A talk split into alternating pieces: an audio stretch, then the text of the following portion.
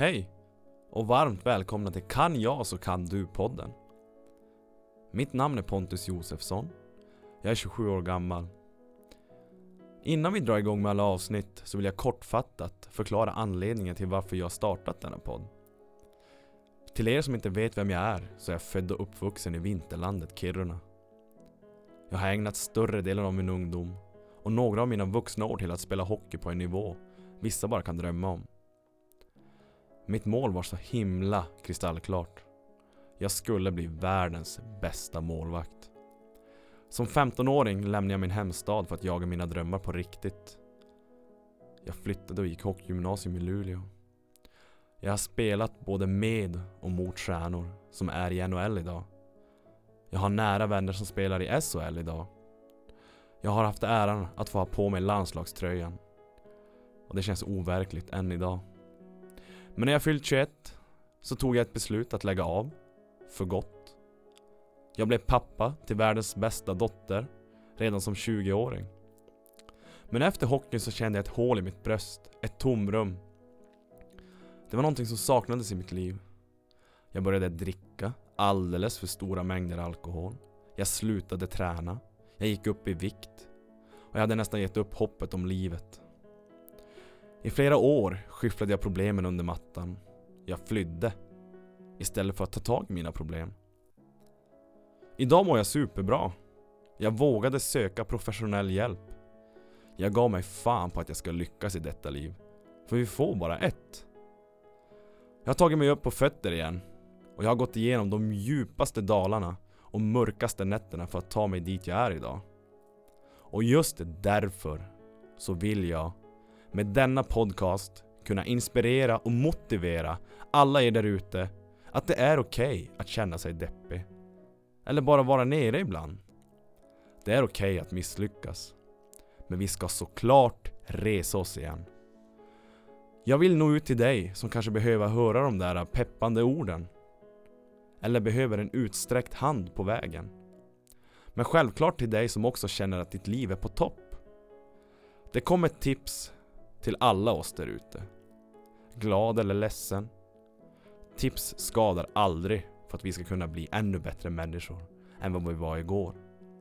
Kan jag resa mig så kan fan du också göra det. Tack för att ni lyssnar. Every day I wake up in the morning Always the same thing weighing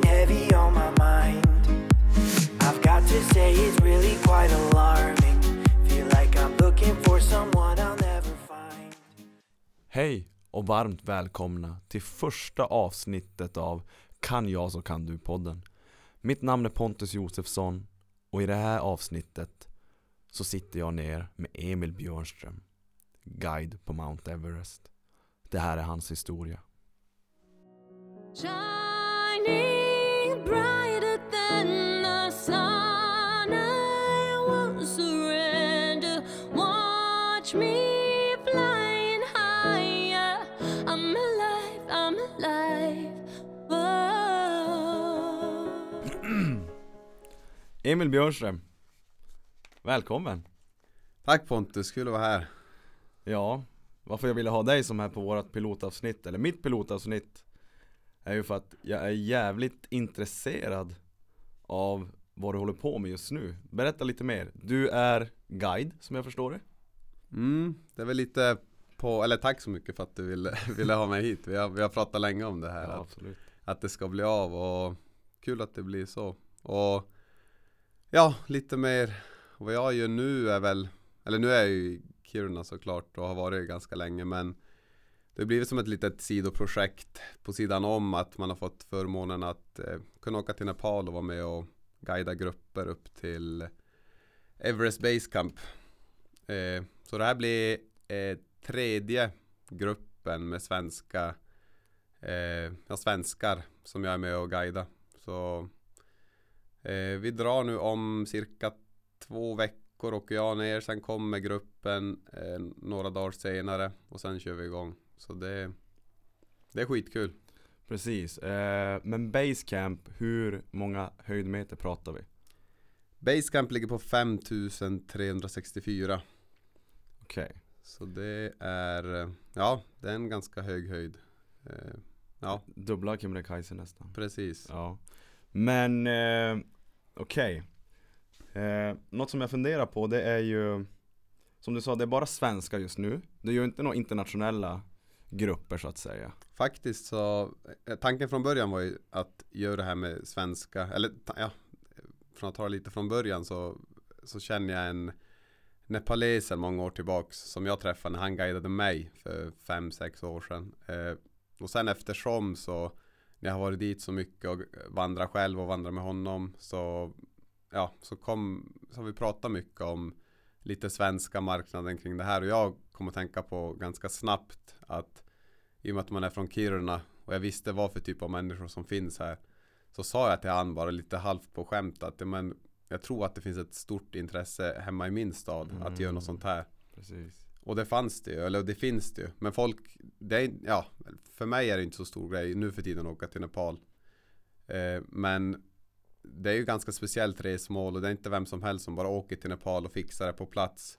För man kan ju göra det. Det går ju att åka till Nepal och fixa allt själv och, och, och sådär. Men, men jag vet ju att det är inte alla som, som, som vill göra det eller inte känner sig trygga med det. Så då sa vi att vi testar och ser hur intresset är med, med, med ja, främst härifrån var först från Kiruna. Mm. Men sen har det blivit lite, eh, ja, från hela Sverige har det dykt upp intresse. Och nu den här eh, gruppen så är det tio svenskar och faktiskt en eh, amerikan som ska med. Men han träffade jag under förra vinterns resa i Laos. Så träffade Okej. han uppe i bergen där. Så du fick han att joina ert crew så att säga. Ja, jag och förra, ja, jag och förra tjejen Moa var, vi var och reste i Laos och lärde känna honom och förklara vad vi höll på med i Nepal. Och han, man märkte direkt att det var ett stort intresse för han. Så, Ja. så han hörde av sig här för faktiskt ganska nyligt nu, egentligen lite för sent, för bara någon månad sedan och frågade om, Okej. Om det fanns platser kvar i gruppen. Och, så han ska med så det är skitkul. Fan vad nice. Mm. Eh, en grej då som jag, som jag tänker på, när du säger att du börjar med att åka dit själv eh, och, man, och som du sa, man kan åka dit och sen fixa allting själv Vad, vad, vad är det du behöver fixa? Om du känner att, okej nu vill jag, jag ska fan gå till basecamp och liksom bara göra det här själv vad är, vad är det du behöver fixa om du inte gör det Eh, vad är det du menar när du säger att du ska göra det själv så att säga? Fixa allting själv Ja, alltså det går ju och ja, som sagt, jag och min kompis Filip var för fem sex år sedan i Indien och reste i några månader. Så åkte vi upp till Nepal bara egentligen. Vi hade en liten plan att åka dit till Kathmandu bara och kanske göra något litet. Eh, men så kom vi dit och, och ja, och började sondera terrängen vart man kunde. Vi ville vandra. Jag har alltid haft ett vandringsintresse. Filip var inte lika sugen på det, men men så kikade vi hur läget var. Vi visste som ingenting. Och så var det någon vi började prata med bara. Ja, vem det nu var. Det var någon som nämnde att man kan gå till Everest Base Camp. mm. Och på den tiden för mig var Everest Base Camp, man hade sett på Discovery Channel när folk typ dör och det Ja Alltså man ser ju, de, de lägger fram det ganska brutalt där. Och vi sa ju direkt att nej, vi fick höra att det var på ja, 5 500 meter nästan eh, höjd och, och, och att det skulle ta typ två veckor fram och tillbaka. Så vi, vi tänkte att nej, så det där det är som inget för oss. Att dit måste man ju säkert, ja alltså, ja, för vi var ju inte så jätteförberedda. Vi hade backpackat ett halvår innan och, Ja, och men till slut så pratade vi mer och mer och, och började kika på det där och till slut så, eller ganska snabbt så, så sa vi att men vi, vi försöker oss på det här. Så då gick vi via ett, eh, det finns ju i, i Kathmandu i, ja, i Nepal så finns det ju jättemycket vandringsföretag Mm. och sånt där som anordnar resor på plats. Och då fick vi ju nys om det här via ett sånt eller någon kille som jobbar där. Eh, så de anordnade allt för oss där egentligen. Så, så man kan ju, det är många som gör det. Eh, eh, eller främst, lite mindre har det blivit nu för tiden men eh, då var det många som kom till Nepal och fixade, man såg att det var någon skylt att Everest Base Camp Trek eh, ja, eh, ja, vad det innebar och sånt där. Och så kunde man gå in och prata och boka så. Man kan ju så fortfarande men mer och mer boka nu via, via nätet. Eh, med nepalesiska firmor, sen internationella Mm. eh, företag och ja, mycket svenska företag gör ju också sånt här. Så man kan ju så fortfarande. Okej. Eh, och det är inte så svårt som det låter kanske men, men eller det kanske inte ens låter så svårt men eh, eh, Men folk ja, som man har pratat med tycker att det är en ganska skön trygghet att Ja men precis. att ja, men boka det hemifrån och främst när det är Kiruna vet många vet ju, alltså som ska med på trekken nu också som har varit med de har vetat vem jag är, vem Moa har varit Precis. eh, känn, ja, många har känt oss som, som, som följer med dit och de tycker det är en trygghet att ha med sven, ja, som framförallt någon man känner eller någon man kan prata svenska med och som har lite Precis. erfarenhet från sånt där. Så eh, ja, det, och sen det går ju gå själv också utan företag också och, Okej. och sånt där. Det har jag, jag har vandrat mycket andra leder i, i Nepal också utan någonting. Det, Mm. det går också. Då kan man, det är lite mer avancerat. Man måste tänka på lite mer grejer och jag har ju gått vilse där själv också Oh, i, shit. i bergen någon gång. Och jag och Moa gick en gång, första gången jag tog med Moa dit, eh, då gick vi själv jag och hon. Då hade jag varit en gång innan. Eh, men det jag la koll på, det är, det är ju folk som, som går vilse och dör. Folk dör ju nästan Wow. varenda år, bara upp till basecamp. Inte alltid att gå vilse, men av höjdsjuka och av, ja, vad som helst egentligen. Det, det, det är farligt om man inte har koll på läget så, så jag har respekt för, för, för höjden Ja, och bergen och ja. Fan, shit. Jag visste inte att du hade gått vilse. Eh, men vi kommer in på det sen. Eh, om hur det påverkar kroppen att gå sådana där höga höjder. Men fan, jag vill veta. Hur gick du vilse? Vad hände? det visste jag inte om Emil. Ja, nej det var Det var ju några, vad är det, tre, tre fyra år sedan kanske Då var jag och vandrade själv Jag skulle vandra, eller planen var att möta upp en liten expedition som vi skulle upp på ett Eh, en topp som heter Mera Peak som är, det är i det här Själva området kring Everest heter Kumbo. Det är eh, Kumbo Valley som är en, ja, som är en stor dal, eller det är, det är berg och dalar men det är som ett stort område kring där. Så det var en topp som är hyfsat i närheten av Everest. Som är på 6 500 meter. Så det var först målet att jag skulle möta upp dem i en by där uppe i, ja, i det där området. Men då beslutade jag mig för att eh, man kan flyga till det där stället eller ta, ja man kan åka, eller flyga gör de flesta dit. Sen kan man åka eh, jeep ett, en bit och sen gå upp Mm. eh, sista dagarna. Men jag beslutade mig för att vandra dit eh, själv. Ja, det, ja, men jag ville, jag ville som förbereda mig lite innan. Och det, det är inte så, just den vandringen är, inte- den är inte så komplicerad egentligen. Den, den är ganska vanlig att gå. Men då gick jag och det skulle ta typ en, ja, en vecka kanske att att gå dit till den där Mm. byn själv. Eh, så började jag gå och det gick jättebra i början och det var som vanligt och det var inte svårt alls att, att gå vilse där och man har hyfsad koll på läget. Men så sista dagen eh, så ja, då var det en lång dag. Jag hade, jag vet inte vad, eh, många stannar en natt till däremellan men jag tänkte att jag kör allt på i ett svep. Vilken dag är du på nu? Om, när du säger sista dagen, hur många dagar hade du gått då? Då hade jag gått sex, fem eller sex dagar tror Okej, ja. jag. jag tror jag, det kanske var femte eller sjätte dagen. ja. Tänkte att jag går alltid ett svep så då räknade jag ut att det skulle ta typ 10-12 timmar kanske att gå. Mm. Så då började jag gå och det, och det gick som bra. Sen efter ett tag så började jag märka att, att jag började Ja för jag visste att det var uppåt, jag hade varit den där byn innan. Det, Mm. det är byn man flyger till när man ska till Everest Base Camp också. Okej. Det är en ganska känd by, Lukla heter den. Eh, men jag, jag visste att den var uppe och att jag skulle vinna höjd. Men ja, vid tim, ja när jag hade gått i kanske 7-8 ja, 7-8 timmar så började jag Mm. märka att jag jag vann som inget, ingen höjd utan började som nästan snedda neråt. Okej. Och det, det var några år sedan jag hade varit i den där byn så jag tänkte att ja men ja det kanske kommer snart och sånt där. Mm. Så fortsatte jag gå och fortsatte gå och sen jag hade gått i typ 10 timmar och då och fram, och till råga på det hade det börjat ösregna också. Alltså det var, det, jag var helt sjöblöt och ja, det var ösregn och allt sånt där. Då kom jag till en by som jag tänkte att det här måste ju vara Lukla men jag tänkte att det kan inte vara Lukla för jag känner inte igen mig Ja. alls. Så gick jag ner dit och så gick jag in på första bästa, ja sånt där, man bor ju, de flesta bor i sådana tehus som det kallas. Mm. Här, ja, som eh, boenden eh, vars, ja, vars i princip alla bor. Det finns restaurang och sånt där. Lite Ja. enklare förhållande. Mm. Gick jag in dit och så gick jag fram till någon och, och frågade om det här är Lukla. Och då skrattade de ju bara och sa att nej nej, nej. Åh, Lukla ligger fem timmar upp, upp Åh, dit. Och vad tänkte du då? då tänk, först tänkte jag jag stannar. Ja. Jag stannar här för jag hade kunnat göra det. Men, eller inte fem timmar, sa han tre, fyra timmar kanske upp. Men, eh, och det började skymma lite. Ja, men jag tänkte att jag måste vara på plats för jag var tvungen att vara på plats på morgonen dagen efter för att möta upp expeditionen. Ja. Så jag tänkte om jag ska sova här måste jag, då får jag eh, kliva upp hur tidigt som helst på natten och börja gå ändå. Ja.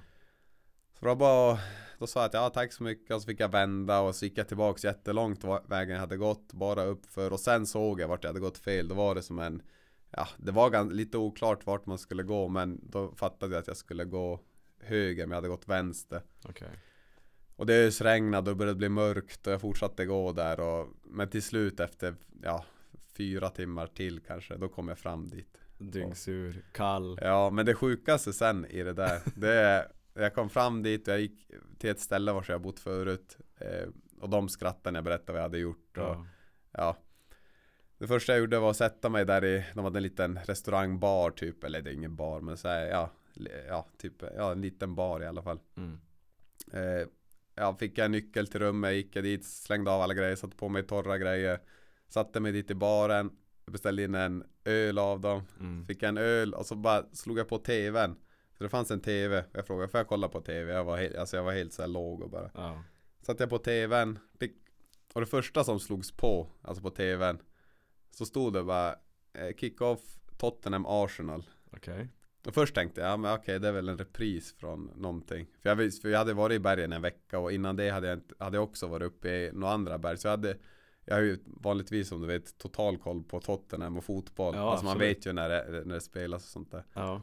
Men då hade jag inga, jag, jag tänkte inte ens på vad det var för tidsskillnad eller någonting. Okej. eh, Och visste inte ens att det var match, jag visste inte ens att det var lördag. Så slog jag på där och tänkte först att det var repris. Sen såg jag att det stod live och så började jag tänka efter att fan det är ju derby, alltså det, det borde vara idag. Och så började jag tänka att, och då kom jag precis till, alltså avsparken, Tottenham-Arsenal, årets största match. Blev det typ, jag tror det blev 2-2 till slut. Men bara så här, alltså det var så sjukt att slog jag på den och Så det blev en, vart en bra, en bra kväll till Så att slut hela, hela den här uh, vilseproceduren ledde till någonting bra till slut. Exakt, ja, nej det var, det var känsla att, att slå på den Så ehm, ja, det är lite häftigt. Alltså tänk att gå sådär många dagar. Vad hade du Vad hade du för typ energi med det? Alltså du måste ju få i dig något käk, dryckbart och Jo, men det, det nu uppe i, i främst de där, de där vandringslederna i Nepal Det börjar bli, och det blir mer och mer längs vägen nu. Det finns ställen att stanna och käka på. Man, Okej. går, man går ju nästan från by till by till by. Det är som en led som går. Byarna har ju De har ju funnits där länge men många byar har ju som Som jag fattar har byggts eh, efter, ja, när, när leden har kommit dit. Mm, så de tjänar ju pengar på att, ja, att vandrare stannar och bor eller käkar och sånt där. precis. Så man kan ju Man kan ha med egen mat och fixa det själv och bo i tält och sånt där men men när jag är där i Nepal då Det är enkelt att bara komma till det ja, Det kallas tehus, teahouses Det är Precis. som Det är som boenden med så här jätteenkla rum eh, Så har de en liten sån här eh, Matsal typ och eh, ja eh, Ja vars folk sitter och käkar och snackar och sånt där Mm. så man kan ju alltid stanna. Man brukar tajma in, eller när jag vandrar själv och nu när vi vandrar med grupper så tajmar man in att vi börjar gå den här tiden, käka frukost vars vi bor. Sen går vi en, ja det beror på vad det är för dag till dag men, men säg fyra timmar går vi. Mm. Stanna i den byn och käka lunch Okej, och ta det lugnt. Eh, ja, vila lite och sen går vi nästa fyra fem timmar till nästa ställe. Där käkar vi middag. Okej. Så det är smidigt nu för tiden. Förr var det nog annorlunda på det sättet. Men sen får man ju ha med också, men som energi. Mm. Eh, ja men man har ju ja, men, det som man har här och vandra med. Alltså chokladkakor och Ja, alltså, nötter och ja exakt. Och, och vatten måste man ju dricka. Ja. Ja, viktigt. det är ju otroligt viktigt där att dricka ännu mer vatten. Ja, Det med tanke på att det hjälper mot höjden. Så det, ja. det ja. Shit. Men eh, tillbaka då på det här eh, att folk nästan kan dö liksom och, och, och bestiga höjder. Men, eh, men säg din grupp då. För jag vet att din mamma var med här för ett tag sedan va?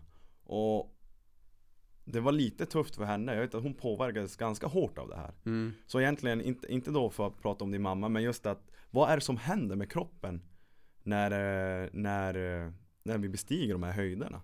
Alltså vad, hur, hur kan det påverka oss? Är du, är du så insatt på det? Jag menar du har ju varit där Ja, flera, jo, flera gånger. mamma blev ju eh, extremt dålig. Jag, jag, många, många ju påverkade av höjden och det, det är ju som Det är som Ja, som jag fattar det så Så är det som ingen garanti att Ens när jag nu går Det spelar ingen roll att jag har varit där och gått hur mycket som helst Okej, Utan ja. när jag kommer dit så är man som på noll ändå mm. Men eh, eh, Men för min del så det blir Jag vet inte om det är psykiskt eller om att man är bättre förberedd eller att man vet vad det handlar om hur man måste förbereda sig hur man ska ta tillvara på energi och hur man ska eh, Ja men hur man ska bete sig där uppe för det känns som bättre och bättre nästan för varje gång jag är uppe på hög höjd. Okej. Och sen med det som ändå inte Ja det kan lika gärna hända nu att den här vandringen att, att jag reagerar dåligt och inte kan fortsätta. Men Ja men som en mamma hon Vi kollar ju värden hur, hur, ja, hur det ser ut med Hur mycket syre man kan ta upp och sånt Okej, där och hur, hur pulsen är och sånt där. Och, och hon fick jättelåga värden ganska snabbt eller När vi kommer upp på hög höjd det brukar bli efter Ja många brukar känna efter 3 3500 meter Då Mm. brukar de flesta symptomen komma Då blir det Okej. huvudvärk och det blir eh, Ja man kan om man blir sjuk så kan en sjukdom hänga i mycket längre mm. Att den, den, den som släpper inte Om man blir andfådd så är det svårt att få bort flåset och det Precis men mamma blev eh, Ja hon blev jättedålig och, och det slutade med att hon fick eh, flyga helikopter ner Så det var ju lite, och hon fick syrgas eh, Ja under natten och sånt där så det var Shit.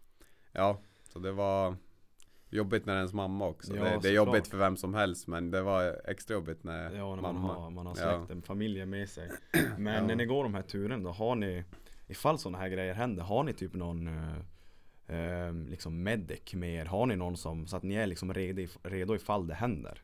Vi har ingen sån där ut, utsagd medic som, som är med men det är det som är sån trygghet när man När vi har Vi har företaget i Nepal som är min väns Han, han, eh, ja, han, han är ju en extremt eh, erfaren guide där uppe han, Mm. han känner alla där uppe och alla känner honom och, och, och han, för det första har han Han har jättestor kunskap inom det här. Och de som är med, vi är alltid med. Det är inte bara jag och han som alltid går. Utan vi är alltid med. Eh, Ja senaste gången så var det både jag och Moa som Moa har också erfarenhet därifrån I och Mm. med att hon har varit upp eh, Innan. Och hon är noggrann med sånt där. Och Jag har ju samlat på mig erfarenhet kring det här. Men just de där bitarna Har de stenkoll på. Det är Mm.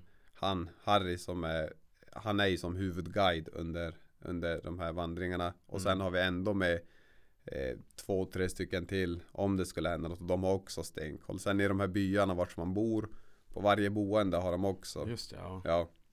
Och de har ju direkt eh, kontakt om det skulle hända något. I princip inte all, Alla byar har inte ett, eh, helikopterplattor men möjlighet finns nästan från Man får ta sig en bit någon gång då och då. Om det skulle behövas helikopter så, så, så går det i princip var som helst ifrån under vägen Mm. Eh, men eh, det, det borde då eh, ingå, alltså har man, om vi säger att jag skulle Jag vill ju först och främst vara med på en sån här vandring, jag har inte jag varit med men eh, Men man har säkert någon försäkring så att, så att du Så att du inte står där helt tomhänt och bara nej du, du, måste, du har inget intyg Ja.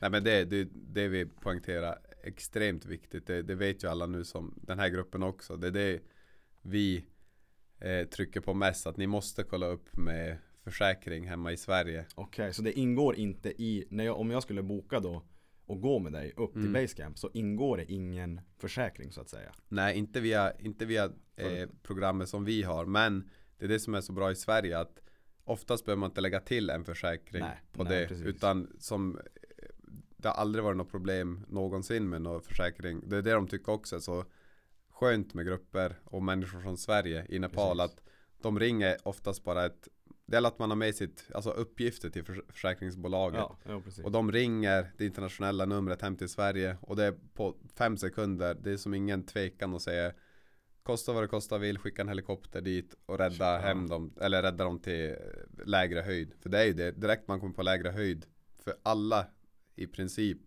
Som får höghöjdsrelaterade problem När man kommer ner på lägre höjd så Är det nästan borta direkt Jaha. Shit. så det, och sen men oftast de är så seriösa i i Katmandu också när man, för man, om man får helikopterräddning så läggs man in på internationellt sjukhus Som Mm. bara det är jättefint Och så läggs man in minst en natt för reservation Och de Mm. kollar upp allting Och det är ju svindyra grejer det där egentligen De där Ja. räkningarna Ja det, det, är ju, det är ju extremt dyrt bara att bli räddad med helikopter Säkert. Men svenska försäkringsbolagen det, det har aldrig varit något problem Vi har det bra här i vi Sverige. har det extremt bra. Det är det som är problemet också. Förra året innan vi var och vandra så strax under 5000 meter så var det en jag tror det var två veckor innan vi var dit så var det en japan tror jag som hade blivit sjuk Mm. eh, akut ja, höjdsjuk och behövdes räddas så snabbt som möjligt. Och de hade en helikopter på linjen men han hade ingen försäkring, hade inte råd och ville inte ta det där. What? Så det slutade med att de, de satte han på en häst ner och han Shit. dog på hästryggen. Alltså, Nej. ja. Så det handlar ju om liv och död ibland sånt där. Så det är, det är ju det är allvarliga grejer som kan hända. Fan vad tragiskt Ja. höra. Så det är, ja. Det är, men det är ändå bra att liksom om någon där ute nu som lyssnar på det här som funderar på att faktiskt göra det alltså det är ändå jävligt eh, bra att få höra liksom hur det verkligen är. Ja. Men, men kan då, men kan, säg nu att jag, jag tränar ju liksom varje dag och, och håller mig i hyfsad form. Säg att jag inte skulle göra det. Jag är bara, jag jobbar, jag kommer hem, käkar, lägger mig på soffan, sover. Det är mitt ekorrhjul. Och så får jag för mig, när nu ska jag bestiga basecamp. Kan jag göra det utan någon som helst träning? Ja, man, nå, nå kan man ju. Man har sett exempel på folk som går dit som är, ja, det är ingen bra fysisk form på Ja. dem. Som har klarat det. Men sen har man sett massa fler i den sitsen som har vänt ganska snabbt. Som Okej. kanske underskattar. Ja, ja. Men man behöver absolut inte vara någon elitidrottare för att göra det. Utan vi brukar säga det innan att en grundfysik, grundkondition ja. Precis. och ett jävla pannben. Alltså pannbenet där uppe, det är guld värt att kunna Ursäkta. Kunna gnugga, alltså bara kämpa på.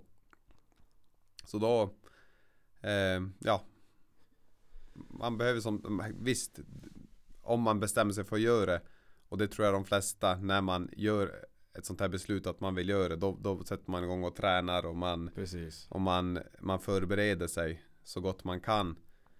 Eh, men ofta så är det huvudet också som, ja det kan sätta stopp också. För det är ju alltså, och det är inte bara vandringen det handlar om utan man måste vara beredd på att det är ganska primitivt man bor. Man kommer Mm. frysa, man kommer må dåligt, aptiten kommer gå upp och ner. För vissa går det, alltså det, det brukar vara en eller två per grupp Mm. som är typ helt oberörda. Ja. Som är sådär, man, så lite irriterande oberörd, Ja. alltså hela vägen upp. Men det är skitkul att se det också. Är du en av dem eller? Ja, nu, Så- nu för tiden är det så. eh, men det finns sådana som har varit upp, alltså min kusin Hanna Björnström som var med i första vännen. Mm. Hon var ju sån där som, alltså hon var ju knappt, hon tyck, visst hon tyckte det var jobbigt och man såg att hon mådde dåligt ibland men hon mådde, ja, jag har sällan sett någon sådär första gången uppe i Oförskämt. Ja Så men Det är också med, med huvudet att man måste vara beredd på att det, det kommer vara tungt Både fysiskt Men psykiskt kommer det Ja, vara mentala biten Ja, är mentalt Det är ofta mycket hänger ihop Ja. mentalt verkligen. Men hur ser, om vi går igenom ett, eh, ett schema då. Dag ett. Jag landar i Nepal, eller var- vart man nu än landar. mm. Jag bokar nu den här guiden. Vad, hur ser dagarna ut? Ta oss till, ta oss till basecamp. Ja, Dag ett Vi har ett schema som pågår i ungefär- Det är 16 dagar Från när de landar i Kathmandu Mm. Eh, då dag ett så, ja, möter man upp på flygplatsen. Så åker vi till hotellet i, i Kathmandu. Vi bor i, i Tamel som är det här turistområdet Mm. i, i Kathmandu. Eh, och där hälsar välkomna och går igenom lite vad som ska hända och sånt där. ganska lugnt och käka middag och ta det lugnt. De får vila. Eller man vilar på hotellet och ja, ganska lugnt första dag. Mm. Ganska normal första dag. Andra dagen är vi också i Katmandu kvar. Eh, då går vi och förbereder oss lite och går och handlar vad som behövs. Om man behöver köpa snacks och Mm. ja, om man behöver komplettera packning och sånt där. Och gå igenom lite mer och vilar och börja och fylla på med, med mat och vatten och redan där. Mm. Eh, sen eh, nu har de gjort att Förr har man flugit från Katmandu upp i bergen men nu har de ändrat det så man Man tar en eh, En, eh, en jeep Till en närliggande by Eller närliggande det är väl 3-4 timmar bort Mm. ändå Jeep dit och därifrån tar man ett litet sånt där propellerplan upp till Ukla som tar ja, 15 till 20 minuter. Mm. Ett sånt där, ja det är ett jättelitet plan. Det är många som är rädda för den där flygturen. Den är ju, Den där korta flygturen. ja. Men det är, Lukla har genom åren fått, fått dåligt rykte. Det är många som listar det så här som världens farligaste flygplats och sånt där. Okej, shit. Ja. Den är ju som insprängd i princip mellan två bergsväggar och stup ner och, och förr i tiden så kraschade mycket plan där. Okej. Så Ja men nu, nu, nu är de noggranna med att man, man lyfter inte när det är dåligt väder och sånt där. Förr var det mycket att man bara ville få upp folk i bergen till varje pris och då var det olyckor. Ja. Så eh, Ja, då flyger man upp till Lukla. Och det är där det börjar och Lukla eh, är ju strax under Nej det är över 2000 om det är 2200 meter tror jag det är. Mm. Så bara där är vi över Kebnekaise. Eh, och där börjar, där börjar första dagen. Vi käkar lunch och, och, börjar, och då går vi neråt första dagen. För det är det som är mycket i den här vandringen. Att man går ju upp och ner och akklimatiserar sig. Och, Okej, ja. så då går vi ner. Första dagen är, är ganska enkel. Eh, eller enkel men, men mycket neråt. Och ja, man får känna på kropparna hur det känns och sånt där. Mm. Och så kommer vi fram till nästa by och bor natten där. Eh, ja, det är under 2000 meter och sen, ja, sen fortsätter det sådär. Upp och, upp och, vänta jag måste dricka. Det är lugnt. det är ingen fara. Är du torr i halsen? ja, jag har varit förkyld. jag är aldrig sjuk, men jag var sjuk förra veckan. Eller sjuk, men jag är lite krasslig. Men i alla fall, sen fortsätter det sådär. Eh, uppåt efter det så är det bara uppåt och till nästa by och det är akklimatiseringsdagar och, och man fortsätter. Eh, ja, och man, jag vet inte hur, hur, hur ingående vill du att jag ska Nej alltså jag, jag vill som bara Jag vill ju såklart att eh, jag, jag först och främst vill ju en dag, vacker dag, gå den där Ja men det ska du ju. eh, Så att det är ju ja, Först och främst Kul att eh, kunna kanske förmedla till de där ute Ja. som, som faktiskt undrar, som kanske inte känner dig eh, Och sen är det ju, och jag gillar ju så här, jag gillar ju att fråga Jag frågar Mm. hellre än fråga för mycket, ja. för lite så det Det är väl också kul för mig själv också att kunna veta Ja. men eh, något, något som jag inte är så jävla insatt på det är Vad är en avklimatisering? Vad gör du exakt när du avklimatiserar? Betyder det att du går neråt? För Ak- att Akklimatisera. akklimatisera, akklimatisera sig Ja ursäkta där Akklimatisera sig då, då är det som Då går du neråt för att sen kunna gå uppåt Ja men akklimatisering är väl att man ska vänja kroppen vid höjden. Ja, Och som en akklimatiseringsdag som vi kallar det när vi går där uppe. Det kan vara att man, man det är som tredje dagen efter första natten i berget. Då går vi upp till en by som är på 3500 meter. mm. Och det är ett ganska stort steg att gå dit. Eh, så dagen efter, då har vi en akklimatiseringsdag i den byn. Och då gör vi vissa, eh, och ibland har jag har gjort så förr också, att man bara är där. Men nu, vi brukar ju med, med gruppen att vi, då är vi på 3500 meters höjd. Och sen eh, den där vilodagen som det blir. Mm. Då går vi eh, som en dagstur upp några meter till 3900 meter Mm. och går dit och eh, ja, ibland käkar vi lunch där uppe. Det är som en sån här, som en liten viewpoint man kan gå upp till där Mm. ovanför byn. Så då går man upp dit och vänjer kroppen lite där, att gå upp på den höjden och sen går vi ner igen samma dag och en natt till där Mm. och sen dagen efter då går vi förbi allt det där igen och sen till nästa by som är på på över 4000 meter. Mm. Så det här akklimatisering är väl att vänja kroppen helt enkelt vid, vid höjden. För det, Precis. det är, ja, vissa har man också sett genom åren som stressar och har inga akklimatiseringsdagar. Okej. Då kan det bli Då kan det bli farligt om man inte Ja men om man inte Håller sig till Nej precis, för vissa går det bra men det är ingen smart idé att, att stressa upp där utan mm. Ja, så det, det är väl det som är akklimatisering Vilken dag vilk, Vilken dag i schemat når vi basecamp? Dagen eh, nio tror jag vi är. Vi går först. Jo, jag tror vi brukar nå basecamp efter åtta eller nio dagar. Okej. Och sen har vi, det är det, själva vandringen brukar vara på 12 till 14 dagar. Så då med enkel matte så är det ju hälften eh, Ja, hälften så snabbt, eller man går hälften av dagarna neråt. Precis. Eh, Det är för att man inte behöver akklimatisera sig på vägen ner. Okej. Utan då är kroppen van vid det. Så det är det på vägen upp. För grejen är det också, upp till Everest Base Camp är det eh, Många tror att man går upp dit och sen går man ner därifrån. Ja. Men det är, ja, det är så mycket upp och ner dit och upp och ner hem så ja, det Det är det som tar tid egentligen. Ja, man kan inte, det är det, man går runt kullar eller ja, man går runt byar och över berg och dalar och sånt där. Och så, så det är inte bara att man Många, många tror ju som sagt att man går upp dit, sen när man är där uppe så är det lätt att gå hemåt. Ja. Det är lättare att gå hemåt för att man, kroppen är mer van och många känner att det är mycket lättare att gå, gå neråt, man känner sig starkare.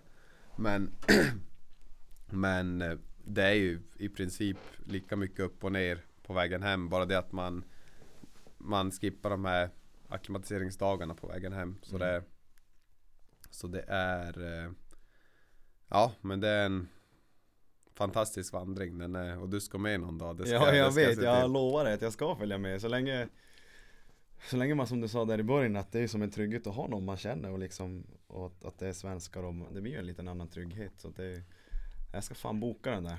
Ja, Det, jag, jag lovar jag måste göra det. ja bra. Ehm, Okej, men, men det är ändå intressant att höra. Jag hoppas ni där ute också har fått någon hum. Och att om ni så funderar på att göra det här så gör det. Vi har Emil, världens Världens teddybear. Han är jättesnäll och duktig så att, men Men för dig då personligen, du som gillar att vandra. ehm, har, du, har du tänkt att bestiga toppen någon gång? Ja, nu har man, man Varenda gång man är där så har man ju ett sug att gå vidare Ser man toppen från basecamp? Ja, på, på vägen till Just vid basecamp ser man inte Men själva ja, Många dagar innan så ser man också då och då. Men just den där basecamp-dagen Då ser man den mycket på vägen dit. Men just från basecamp ser man den inte. Men Med basecamp är ju mycket Eller beror på när man När man är där på Om man är där på våren Så är det jättemycket Det är som en by där då. Det är så mycket tält och, och människor Mm. som är där för Ja, som förbereder sig för toppen. Mm. Så då har man ju varit, ibland har man tänkt att ja, det hade varit häftigt att, att gå vidare. Men, men som det är nu där det för det första ekonomiska biten, man måste nästan vara miljonär nu för tiden. Det det jag googlade bara för skoj skulle Mm. se En halv miljon! Ja, det, för det första det. Om, ja, Det är sjukt!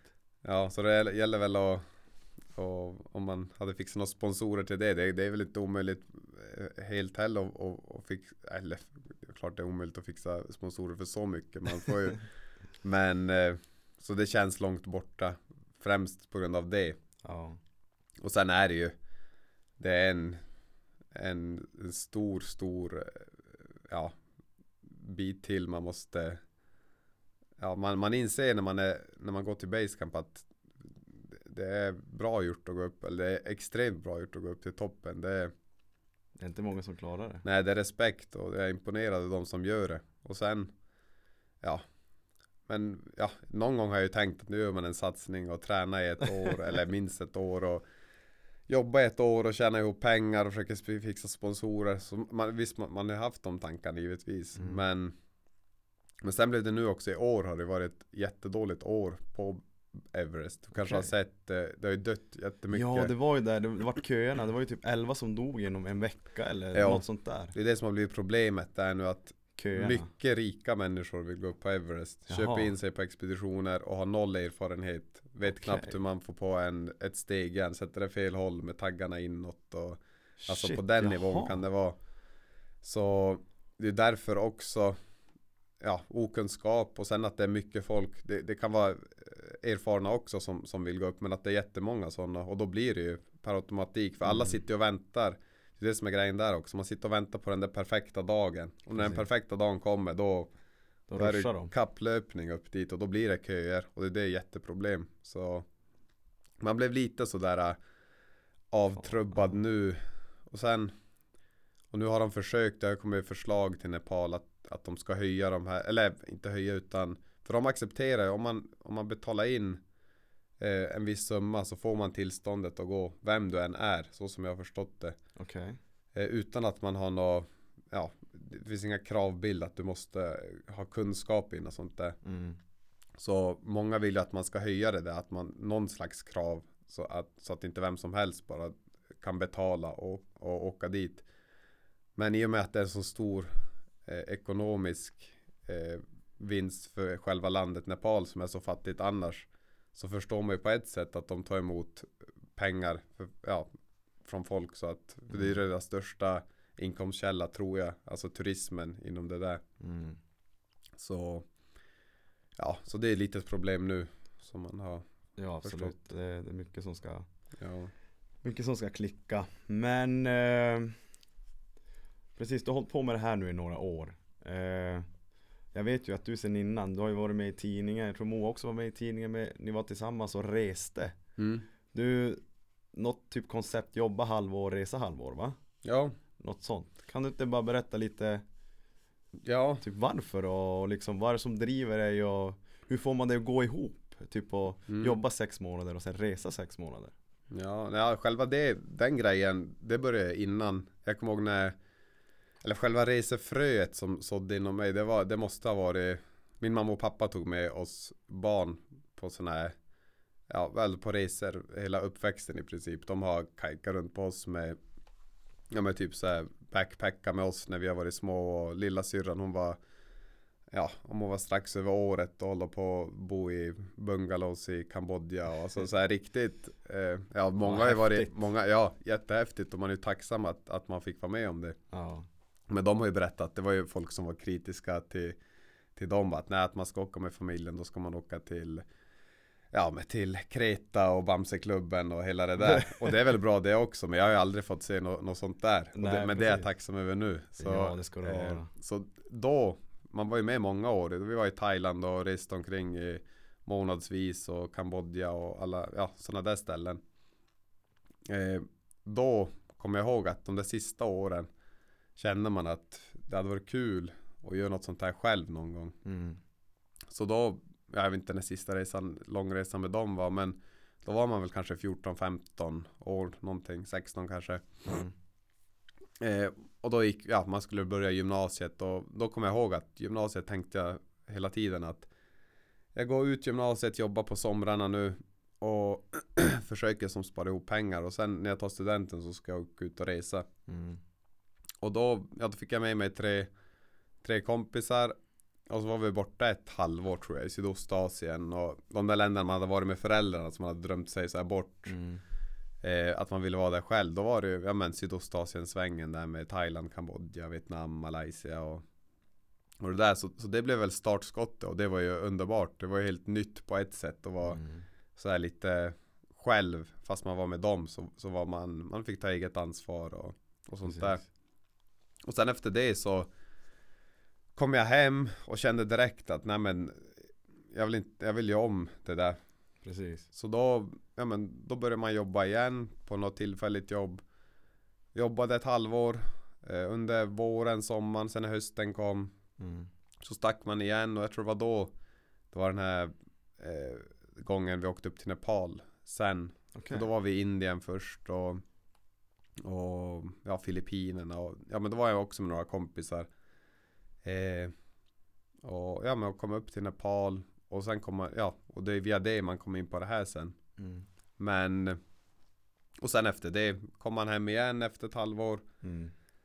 eh, Ja på våren där och började jobba igen Och det är ju det när man kom hem, då var det bara jobb i princip Jobb och, Mm. och sen man har ju tajmat in det bra med fotbollssäsongen att det är vår, vår sommar så man kunde Precis.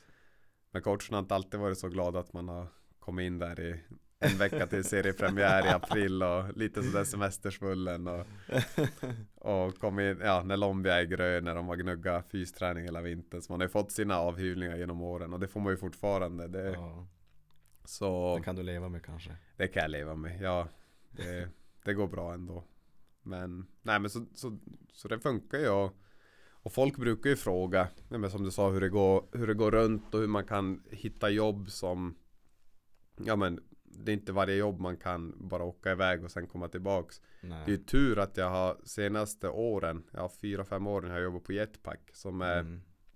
som är Det har ju tajmat sig jättebra helst på senare år nu att Jag kan jobba jättemycket om jag vill eh, Under vår, sommar och sen när hösten kommer så har det löst sig bra nu Så har jag kunnat sluta och så har de plockat in en Ja nu på senare år har det varit en hockeyspelare som spelar AIF Då har han Mm. tagit min tjänst och han Okej. jobbar under det året Så vi har som, Precis. eh, han jobbar under vintern Ni överlappar bara. Ja precis, och sen när våren, när deras säsong tog slut Då kom jag tillbaks och, Mm. och så där Så Men det är mycket flyt också Jag, jag har ju jobbat på skola mycket och Jag jobbar på olika skolor och jetpack lite då och då Det är inget sånt där Alla hade väl inte velat ha, Det är lite o, det, det är ingen trygghet direkt Alltså att man vet att man har jobb alltid utan Mm. men Det har löst sig Bra alltid i princip. Någon gång har man varit hemma utan att jobba ett tag Och sen har det löst sig att man har kunnat jobba någonstans och sådär. Det är det som är så jävla fascinerande just med Vi har människor sådana som dig som faktiskt bara Nej alltså jag tänker inte gå i det här spåret. Jag alltså Du har, alltså, du har dina drömmar, du har dina mål det är, så- alltså, du, följer ju, du följer ju ditt hjärta så att säga. Du följer ju magkänslan. Du väljer inte det här spåret Fast jobb Lån, hus. Eh, Är du med? Alltså du, Ja. du väljer att liksom, du väljer att gå din egen väg. Mm. och det är det som är så Så jävla viktigt tror jag i dagens samhälle. För att alltså Vissa är så jävla insyltade. Ja, Alltså liksom bara nej man kan inte leva sådär, det går inte runt. Fast jo det, det kan gå. Ja. Men Alltså det går- med ja, men det- planering och Och liksom Om man bara vill det och ger sig fan på att göra det så gör man det. Jo, det är inte, många tror att det är så Och jag har all respekt till de, de som vill. Alltså På ett sätt hade jag velat vara nöjd att man hade ett jobb och Ett hus och och, och, och, visste att man ville Man ville bo här och ha en stuga ute i Ja men vars man nu har. Det, Alltså det ser ju skitbra ut men jag är inte så. Och det, det är det Mm. man, man, man måste ju tänka på att alla är inte För jag vet många tänker att det ska vara på ett visst sätt. Precis. Främst här i Kiruna så är det så här att det ska vara så Ja. eh, Fast man kanske ändå inte vill. Men de som vill, då är det ju jättebra att man har hittat sin alltså sin livsstil. Och det är ju, Ja. de har det säkert jättebra men Jag tror det, jag tror det måste vara fler som Som vill ju Ja men kanske något sånt här eller något annat. Alltså det finns ju massa olika grejer man kan göra men som Inte riktigt vågar göra det kanske. Och, och det man ju, man har ju fått skit genom åren Mm. Jättemycket alltså Mest har man ju fått eh, beröm och peppande och folk är jätteimponerade att man, Ja att, att man gör grejer men, men det finns ju, det har ju, ja genom åren, det har ju kommit folk och, och, och berättat vad man ska göra att man inte tar tag i sitt liv, att fixa ett jobb och ja, fast jobb och att man, man ska inte åka omkring och vara någon jävla hippie och man ska Åh, men, shit. men, det, men det har aldrig påverkat mig, alltså jag har ju bara garvat åt det där och vad skönt Jo, nej men jag har som aldrig tänkt på om, om någon säger något sånt att man har fått något tankeställare att man ska ändra sig. Det är absolut inte. Det, det är snarare att det har äggat mig. Då vill man göra det ännu mer Ja, man vill som. Man vänder på, på liksom hatet ja, exakt. Så det, nej det, det, det rör inte mig i ryggen om, om någon säger något sånt. Det, Fan, eh, jag, jag, alltså jag hyllar Jag hyllar valen, jag hyllar livsstilen eh, Så att eh, det, Och det, det är så jävla viktigt också att Man får faktiskt höra där ute att det, det går om man vill ja, Alltså jag, jag är så inne på det att För ibland kan man se liksom polare man har Alltså människor med sånt jävla driv men de sitter Mm. fast i någonting, är Ja. du med? Ja, Och liksom eh, Varför tar man sig inte bara lös? ja. Men jag tror att det Alltså du som ändå nu lever så här, alltså är det inte en mental spärr bara? Jag tror också det. Och jag tror folk är för en stor grej av det också. Och sen visst om man om man har satt sig i en situation att, att man har fast jobb och hus och lån och hela det där. Mm. Då är det väl såklart det är svårare. Mm. Men det går ju att göra grejer ändå. Det, det, klart, givetvis blir det ju svårare. Jag är som inte bunden till någonting och har inte Nej, varit precis. det eh, nu, nu heller på, på senare år heller. Men, men jag tror folk ju och sen också en, en grej som folk ofta frågar är att ja, men hur man har råd att att resa så länge. Klassiska frågan Ja, och sådär, ja, men som de säger, om man, och de vet att man, om man säger att ja, men jag, jag brukar jobba som fan i ett halvår och sen reser jag eh, Mm. ett halvår. Men, eh, och de vet väl att om man jobbar, alltså man tjänar ju inga jätte, jätte, jättelöner. Alltså om man jobbar mycket känner man, då kan man tjäna bra om man, om man eh, lär sig att spara på ett visst sätt. Man behöver inte snåla alls, men man kan vara sparsam på ett sätt och inte lägga ut pengar på, på vad som helst egentligen. mm. Och sen det, eh, ja men det jag brukar säga till många är att, eh, att man måste tänka på hur man reser också. Mm. Många tror ju att, ja men många som, som har ett, ja men om man ska säga inom situationstecken normalt liv här i Kiruna, kanske har en semester på sommaren och åker till Grekland två veckor. Mm. Och, då, och så tänker de att ja men då går det en viss summa pengar under de två veckorna. Precis Och så börjar de räkna på det att ja men Emil är borta i sex månader. Och då kanske de räknar på den kassan de spenderat på två veckor i Ja Grekland. precis och då tänker de alltså det är omöjligt att han har så mycket pengar. Ja men då måste man ju tänka på att alltså, de där två veckorna i Grekland. Alltså om, om ja, men jag som har rest mycket i Nepal och Indien och Sri Lanka och Centralasien och sånt där. Alltså främst Indien. Två veckor i Grekland hade jag kunnat resa två, tre månader i Indien. Lätt. Alltså om man reser på ett visst sätt. Man, då, då kanske man är extrem. Men, men man behöver heller inte bo i ett skjul och man behöver inte äta eh, gatumat varenda dag för att Mm. det ska gå lite pengar. Det gäller bara att ja, men, man kan inte bo femstjärnigt under ett halvår. Nej. Alltså på hotell. Man kan Det har jag och, När jag har rest själv Då har jag också unnat mig mycket. Men när jag har rest med Moa Som vi har gjort, gjort senaste åren. mm. Vi har haft en jättebra mix. Hon har alltid velat bo lite finare. Jag har alltid velat som lite mer budget. Vi har Ja. hittat en mix däremellan. Utan att det går överdrivet mycket pengar heller på Mm. det. Så det gäller ju att man, ja. Och främst eh, ja, men de där länderna. Man kan ju inte resa i två månader i, ja, vad ska man säga, alltså i USA kanske.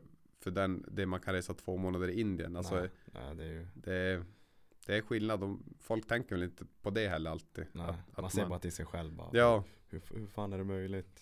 Mm. Så ja.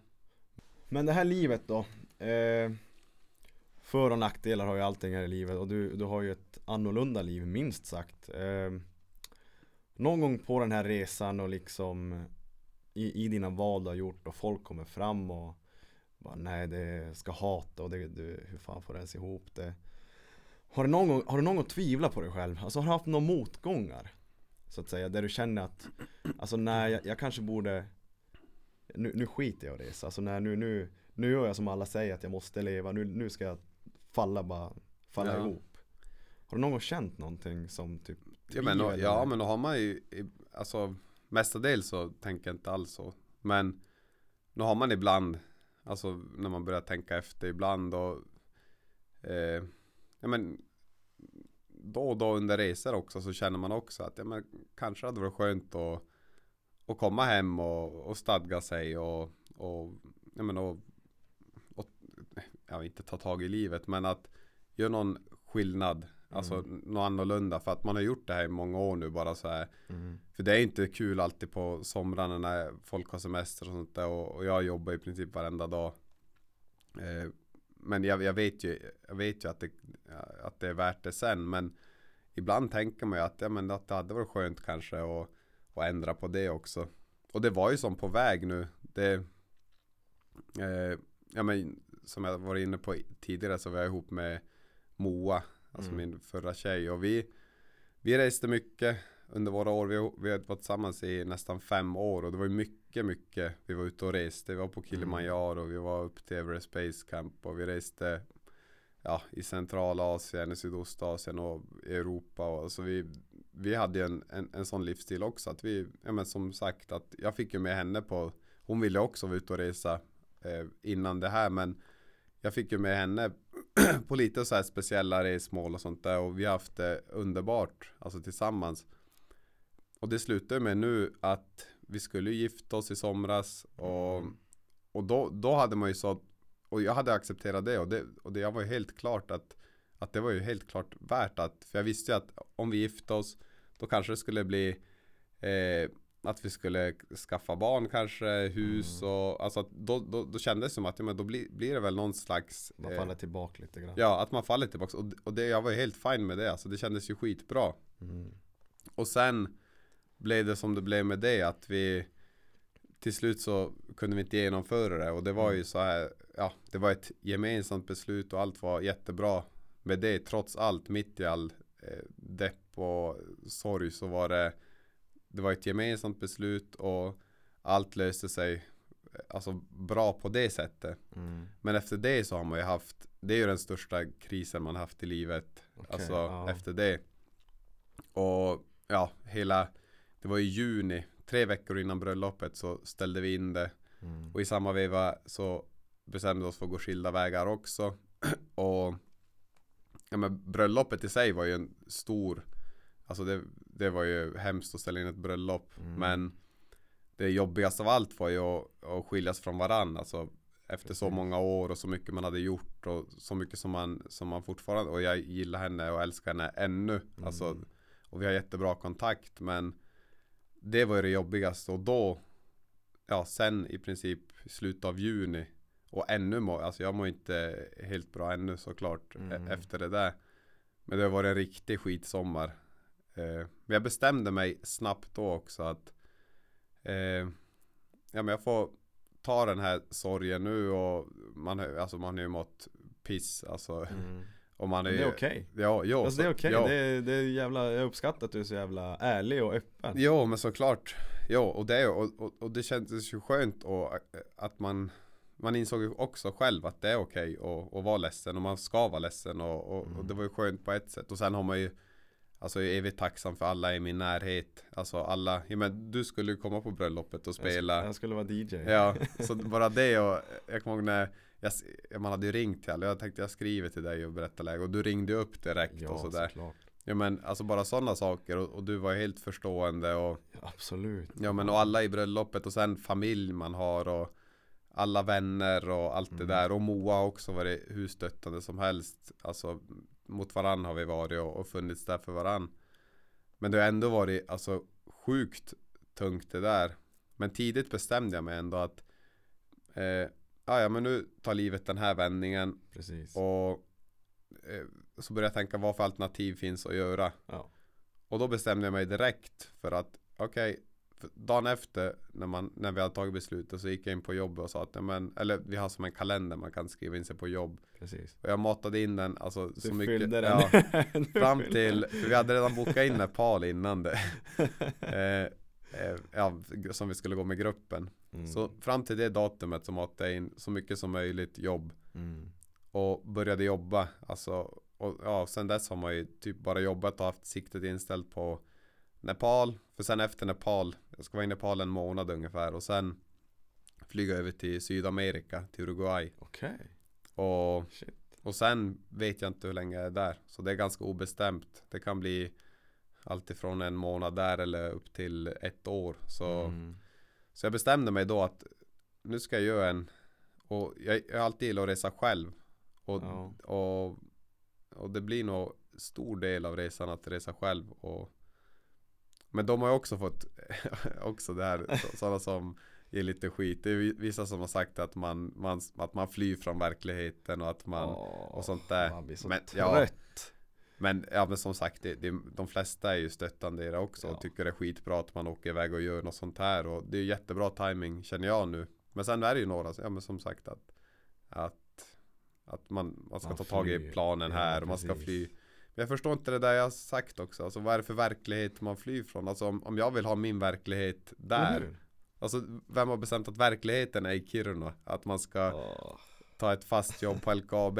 Vem har bestämt att det är verkligheten egentligen? Det är det som är Det är så jävla lustigt. Ja, för det, det spelar ingen roll vars min verklighet är. Och om jag har en verklighet i två månader så är det väl så. Det, Mm. Eller om man vill stanna och jobba i Buenos Aires i ett år. Alltså det, Mm.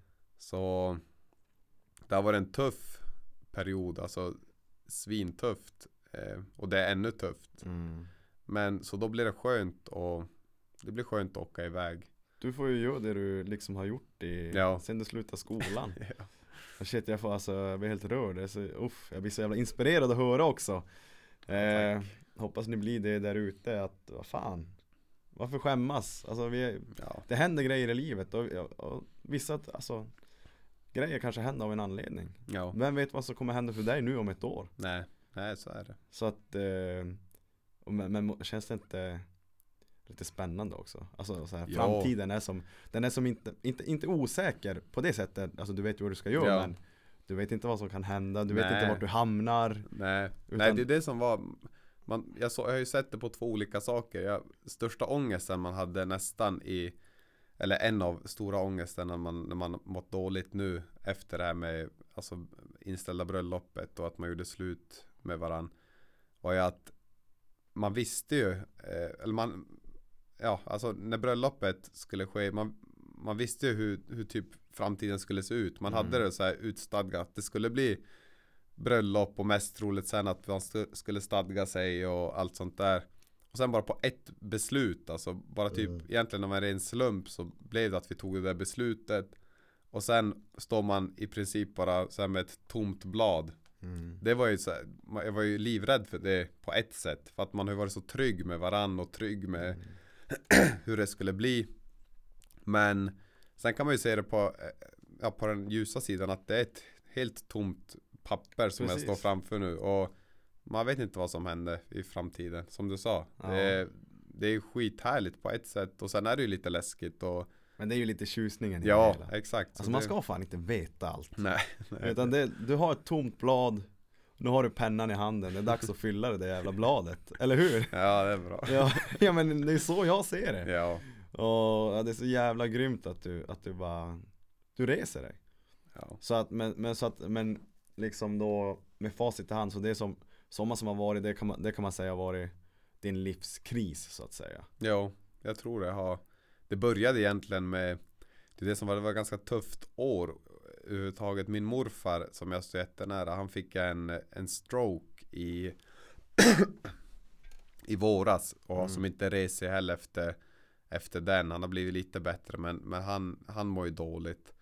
Så det började med det att För det var också direkt i princip efter man kom hem från förra resan mm. så det började med det och sen var det lite så här upp och ner med ja, förhållandet och jag mådde själv inte så, så bra lite så här upp och ner och sen med som grädde på moset så kom hela den där bröllops ja bröllopet som ställdes in och man gjorde slut och det var Mm.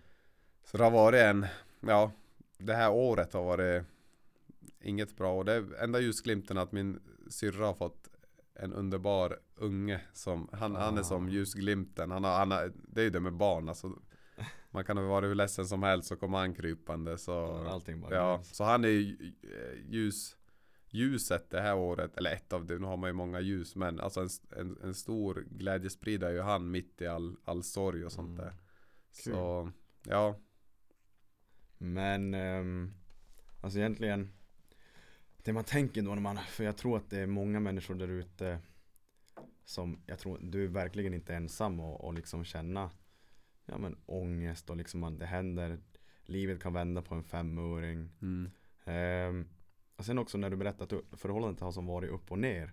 Det man ser idag som jag Alltså jag, jag backar inte sådana beslut. Hur folk, familjer som har barn Man kanske har ett bröllop framför sig Båda vet som om att det är knackigt Mm. Men, men någonstans så är det som Det sitter som i naturen att nej Det är misär Men vi ska fan hålla ihop Ja. är du med vad jag menar? Ja. Så det som, är, det som är så jävla starkt är att våga bryta upp Alltså för att liksom nej men om man kommer till den punkten att Nej, alltså Nu är det dött Ja. Och det är väldigt svårt då att Ja. återuppliva när man kommer till den punkten Där, där det känns nästan hopplöst ja. eh, Så att, och våga bryta upp och liksom och kunna som dig ändå Ta det där, se det som att tomma pappret Framtiden, jag vet, du, du har redan börjat planera Mm. Alltså det, det är stort och, och jag tror ja, att tack. Det, och det är ju många där ute, ja Man kan nästan säkert säga att det är många som inte vågar Gör Nej. det du vågar göra Emil Ja. Så att ehm, jag, jag fick gåshud när du satt och berättade tack, det är fina ord. Men jag ska inte ljuga och säga att vi, vi, alltså vi när, man, när vi pratade om det där med, det kändes ju overkligt att ställa in ett bröllop så Ja. pass eh, tätt inpå också. Vi var ju inne på att göra ändå Mm. och att man skulle göra det för andras skull eller för själva att, ja, det, var ju, det har ju varit lite pinsamt och det har varit så här, man tänker på allt och allt sånt där. Men sen, det var ju båda och det, i efterhand så var det ett modigt och moget beslut av oss båda att kunna ta det bara. Att nej men nu gör vi inte det. För det kändes inte bra. Då ska, enligt mig så ska man inte göra det då. Det, men det är väl som du säger, det är säkert många som som kämpar på och, för vissa löser det sig. Men, men jag tror det är många som, ja, man måste väl våga i allt här i livet. Ja. Alltså det är inte bara med förhållanden och sånt där men det som vi har pratat innan om våga det, göra det man, man vill. Precis. Alltså bara som du här, du har pratat om den här podden Alltså länge har vi pratat. Du Ja har, verkligen, ja, ja. Nej men bara att våga göra det här. Och sen Ja. du sa, vi vet inte vad det blir av det här Men alltså bara sitta och snacka så här är ju skitfint alltså, ja, ja verkligen, det, men det Jag är ju också Nu blir det ju av och jag, jag är ju som inte så brydd Får jag en lyssnare eller får jag tusen lyssnare? Det är skit Mm. detsamma. Ja. Men det här är ju en investering i mig själv För Ja. jag vill göra det här Jag följer jag- mitt hjärta på ett sätt. Ja, och jag, jag känner ju bara nu så här Och bara sitta och prata så här, jag och du. Alltså när senast satt vi och pratade, pratade så här Vi har ändå varit, alltså vi Barn, har känt vi är ju var- ja, Ja, men det är sällan man sitter och, nu fick jag gåshud. Så, alltså, Det är sällan man sitter och öppnar upp sig Alltså så här för varandra Mm. och, och men som du säger om det är om det är mamma och pappa och din mamma och pappa som lyssnar på det här nu i efterhand det, alltså, Eller om det är tusen personer, Ja. alltså slå hur stort som helst. Det, det, det spelar som ingen roll. Det bara alltså skitbra gjort av dig att ta tag i det här också. Ja, du, du är ju en sån som tar tag i grejer och, och gör det du vill. Ja, jo man försöker. Det, Ja, men du är Eh. ju, ja, alltså Du inspirerar ju också folk, alltså gör Alltså du, men du gör ju grejer, alltså Ja. som du vill. Man får skylla på ADHD Jag har inte ADHD på papper men Ja, man har, man, Jag tror att man ska Har man över energi och man Man kan inte sitta still om man vill. Man har visioner, man har mål Och jag, och jag är ju sådär liksom Hållit på med elitidrott och, och man har varit igenom djupa dalar och man kan resa sig. Så att jag Jag har ju kommit till den punkten att Alltså Jag vill förmedla eh, Alltså en, Mm. en, en positiv energi. Eh, jag, jag vill kunna prata med sådana som dig Som, som men som, har, som går igenom sådana här livskriser. Och jag, och jag dömer inte dig, din livskris får vara exakt vad fan som helst. Ja, ju, Vi är ju individuella, alltså eh, Vi känner olika saker på olika sätt. Så jag menar, och, och bara kunna få prata med någon som Jag vet inte, nästa som jag pratar med kanske har varit med om Det kan vara dödsfall, man vet ju inte, you Ja. name it. Alltså vi går igenom olika kriser. Ja, men, men att liksom kunna förmedla ut att men det går faktiskt att resa sig. Ja, det går att faktiskt, om man bara bestämmer sig för det Så går det att lösa livet. Ja, Och vi är ungar, vi är liksom 26-27 bast så ja, och, det, och det för mig är det så jävla inspirerande. Det, det, det är väldigt nyttigt för mig också att få sitta ner och prata med Ja, nu, nu dig då och, som mitt första avsnitt. Så att Nej jag, jag, jag, tror, jag har alltid trott och jag har alltid trott på dig. Mm. eh, Så att eh, jag tror att det kommer gå bra för dig. Ja, Alltså du, kommer lösa det, du är så pass klok. Ja, Ehm, Så att ehm, Tack. ä- ändå, ändå, kul att se att du kan le trots dina, din sommar, ditt år och, ja, nej men nu det, det blir ju det, det känns ju, eller det känns inte bra men det blir ju bättre och bättre känner Ja. man ju Sen vet man inte om det blir en ny kris om ett tag Alltså det vet man ju inte heller mm. Men Nej men det känns som att man Man kan ju resa sig Alltså Ibland, alltså när man är Ibland när man är deppig och Tänker mörkt så Alltså då känner man att det är, Alltså hur fan ska man resa sig? Mm. Men så är det ju, det, det är ju så Alltså Det vet du säkert själv också. Att, Mm. alltså att man kan tänka dåliga tankar. Men nej, men man, man har ju, alltså man har ju tur också. Att man har fin, fina människor omkring sig. Det är alltså, viktigt. Ja, jag vet ju du också har en extremt fin familj. Mm. Alltså det har jag också. Alltså, Alltid stötta en. Ja, det är som nu. Jag bor, det är också en sån där. Alltså, jag bor hemma i pojkrummet sen, ja, sen No dess. shame! Nej, No shame! nej, men det är väl också folk som dömer att jaha han flyttar hem till pojkrummet och, Ja, och sånt sig. där. Nej, men jag bryr mig inte om Eller det. Men ja, precis. jag ser det bara som vilken förmån man har att man har sån bra kontakt med Alltså att man har den relationen med sina föräldrar. Att bara så, det är som inget Alltså ingen stolthet Alltså det har jag aldrig tänkt på så här. Men vissa är ju för stolta för att Ja, alltså, flytta hem Det är inte så att jag flyttar hem permanent Men jag sa att ja, men Du nu- behöver göra det. nu behöver jag ju, och jag behövde det då och så sa jag, visst det är väl ibland när man ju ganska less på dem sådär och de är väl less på mig också. Alltså det är så lite så här, eh, tillbaka till tonåren. Ja. Ibland får man den känslan men jag sa ju direkt att ja, men jag ska åka iväg och resa då. Det där att Mm. om, om, jag, om jag får så, så bor jag helst hemma fram till dess. Jag orkar inte ta någon lägenhet som jag skulle ha i tre månader. Ja, nej precis. Och, och det var som inga problem, så man är ju tacksam över det också. Alltså Mm. att man har fina människor omkring sig. Ehm, ja, inspirerande jävla story idag Emil.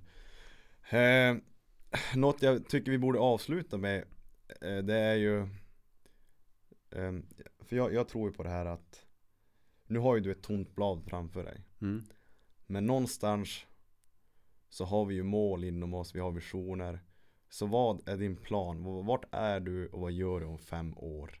Uff, fem år, det var... Om du försöker tänka så här sunt, logiskt, rent bara Ja, fem år då... Vad, Ja. vad, vad gör du då? Vad, vad är ditt Alltså det är det som är grejen, jag har inte ens tänkt fem år framåt på... Alltså jag tänker sällan så långt men... Alltså... Då kanske man har stadgat sig. Är det det du vill? Äh, nu känner jag att, alltså, som jag känner nu, den här känslan, alltså, eh, ja men, jag, som jag har sagt innan, olika känslor just nu, men Ja. en av de här känslorna att man har ett tomt blad, att jag är helt fri att göra Mm. i princip vad jag vill. att jag kan åka till, eh, till Sydamerika och ta ett jobb på något hostel i Buenos Aires, alltså stanna där och få Mm. mat och husrum i ett år. Alltså den känslan, eller om jag kommer dit och känner att nej men jag vill åka hem och jobba, Mm. alltså då gör jag det. Den känslan är ju extremt befriande på ett sätt och, och den känslan Ja, den hade varit skön att ha då också. Mm. Men man vet ju inte hur, vet jag, man kanske åker till Argentina och träffar någon argentinska, alltså salsa-lärare och så, eller, eller salsa kanske, det är kanske tango där eller någonting. Nej men man vet ju inte, alltså man kanske, eller, eller så blir det någon annan vändning i livet, alltså man, Ja. men om fem år då, då kanske man har stadgat sig ändå. Nej det har jag inte. Nej, jag, jag, vet- eller, nej, det är omöjligt för mig. Ja det, inte. det är spridda tankar och, eh, men, men, men jag köper det Du har ju ändå den livsstilen som gör att Det är svårt att säga nu Ja, Men har du något sånt här eh, slutmål Typ, eh, säg 5-10 år 20 år framåt Har du någon Drömmer du om typ Ekonomiskt oberoende eller drömmer du som bara om friheten att kunna Ta dig runt världen Som den här hippien som de kallar dig ja nej, nej men om, om, om så pass länge då, man hoppas ju att man har någon familj och alltså Mm. någon fast punkt i livet kanske. Okej, ja Min dröm är också, man har ju tänkt på det, alltså det sa ju redan jag och Moa när vi, när vi, när vi var ihop att ja, men då planerade vi, alltså våran framtid så att ja men Ja. När, när vi får barn i framtiden så vi planerar också sånt att det hade varit kul att sticka folk i ögonen så här, att man tar med en ettåring så här på ryggen och vandrar Precis. i Nepal. Alltså, alltså på det sättet, det hade varit skitkul och ja, men, ha en familj och, och man reser med barnen och gör Ja. samma grej som mina föräldrar gjorde med mig. Mm. Alltså backpacka och bo, men klart det är skönt att vara ekonomiskt oberoende men en del av tjusningen att resa tycker jag också att man, att man får att gå runt, att man kanske får Mm. bo lite eh, risigt ibland och käka lite street food och sen kunna unna sig och göra lite, alltså Mm. lite bättre grejer så eh, Nej men ett mål är nog det att man har en, en, en frisk och fin familj som man kan ta med och, och resa och ha en fast punkt någonstans. Inte vet jag, ett hus, jag vet inte här, man vet inte hur Kiruna ser ut om, Mm. om, om, om 20 år men Ja men du hör det är ganska oklart här också men, men det hade varit kul det. att göra den där alltså att folk är skeptiska som fan att alltså, vad håller han på med ute och reser med tre ungar som knappt är två år och Alltså det hade varit Du går emot alla sånt här äh, Alla regler och normer. Ja ja. ja, ja. Det hade Ja men vi säger att det är mitt mål då, att kunna Ja. provocera lite som förälder. Också Ja, ja men precis, det sticker lite i andras ögon. Ja, Okej, nej men fan jag köper det Ehm, Nej, jag uppskattar så fan att du tog dig tid Emil. Men tack själv det var jag hoppas ni där ute nu har fått höra att Emil Björnström Klok och frisk människa som jagar sina drömmar även fast han inte vet vad de är. Men han eh, Han lever Han lever livet som, som han vill leva. Och det Tycker jag man ska ta med sig. Eh, Våga. Våga misslyckas, våga, Exakt. våga chansa Vad fan, Kiruna finns alltid kvar, eller vart du än är ifrån, vart du än lyssnar. Våga jävla ta det där steget.